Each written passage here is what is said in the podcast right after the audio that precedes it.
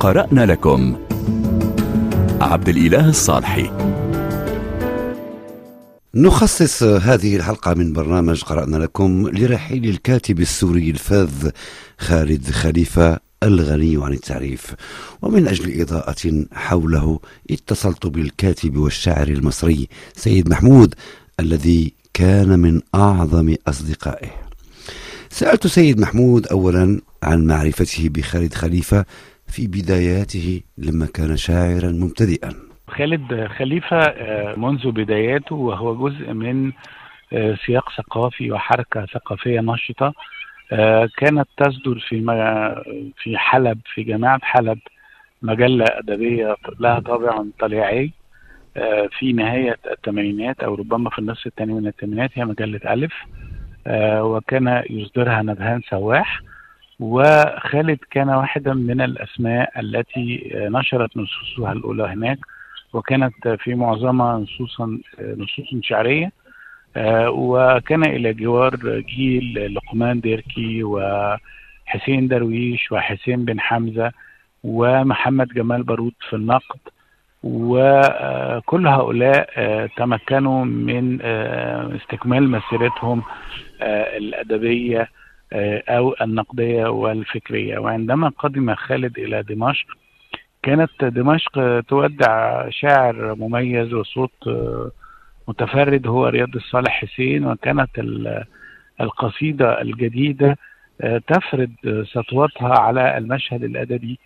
وكان هناك شعراء يعني يحاولون استكمال المسار الذي خلقه شاعر كبير آه، وطليعي مثل محمد المغوط أو حتى نعم. يضيف إلى ما أنجزه جيل الستينات ممثلا في ممدوح عدوان وجد خالد انه الشعر آه، يعني ما لديه من شعر لا يسمح له باستكمال مسيرته كشاعر وانتبه إلى الرواية والدراما التلفزيونية نعم. فقدم آه، يعني بجهود أستاذه الأول حيدر حيدر نصوصه الأولى حارس الخديعة ودفاتر القربات وهي نصوص حاولت إلى حد كبير أن تقارب البيئة الحلبية وتتوقف أمام الخصوصية التي تتمتع بها حلب وكانت آه، يعني آه، بشكل عام تقوم على استدعاء آه، ذاكرة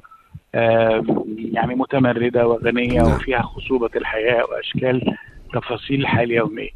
لكن أيضا آه، كان المشهد الروائي السوري مشهد خافت إلى حد كبير تهيمن عليه بعض الأصوات الستينية والخمسينية من أمثال حنا مينا وهان الراهب وغيرهم من الأسماء الرائدة لم يكن هناك انفجار روائي كبير. أه، سيد محمود أنت صديق حميم لخالد خليفة وتعرفنا معا على خالد خليفة في تلك السنوات في بداية الألفينيات. خالد خليفة كان عنده شيء مهم وأريد معك أن نتحدث عنه. خالد خليفة قبل حدوث هذا النزاع في سوريا وهذه المشاكل الكبرى كان يصر على أنه سيبقى في سوريا ولن يغادر سوريا. خالد خليفة أصر حتى بعد أن بزغ نجمه بعد الروايات الناجحة وترجماته إلى اللغات العالمية.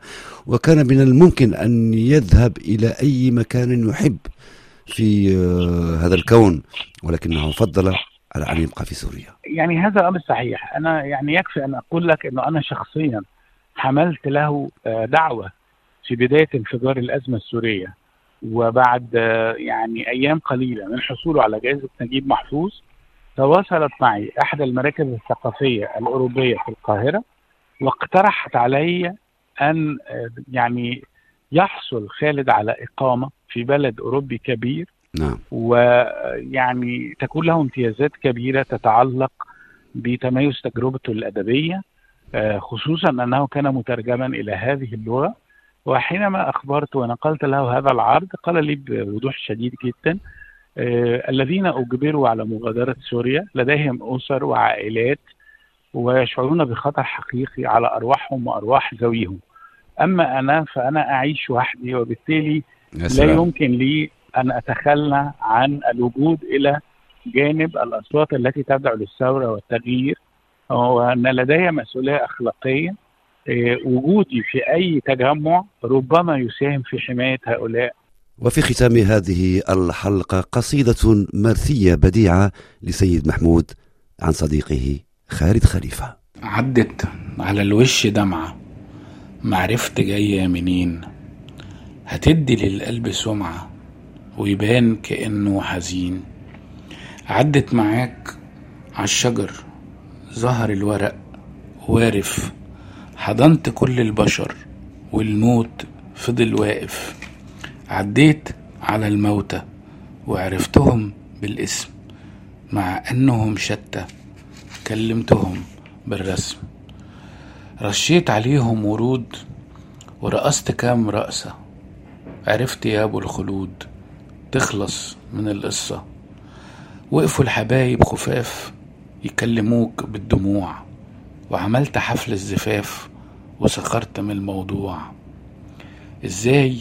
إزاي أصدق غيابك وأصدق إنك مشيت؟ بنتي اللي تقرا في كتابك فتحت لي صفحة رأيت كل الصحاب واقفين متكتفين بالحزن وكام ملاك جايين يستقبلوك بالحضن.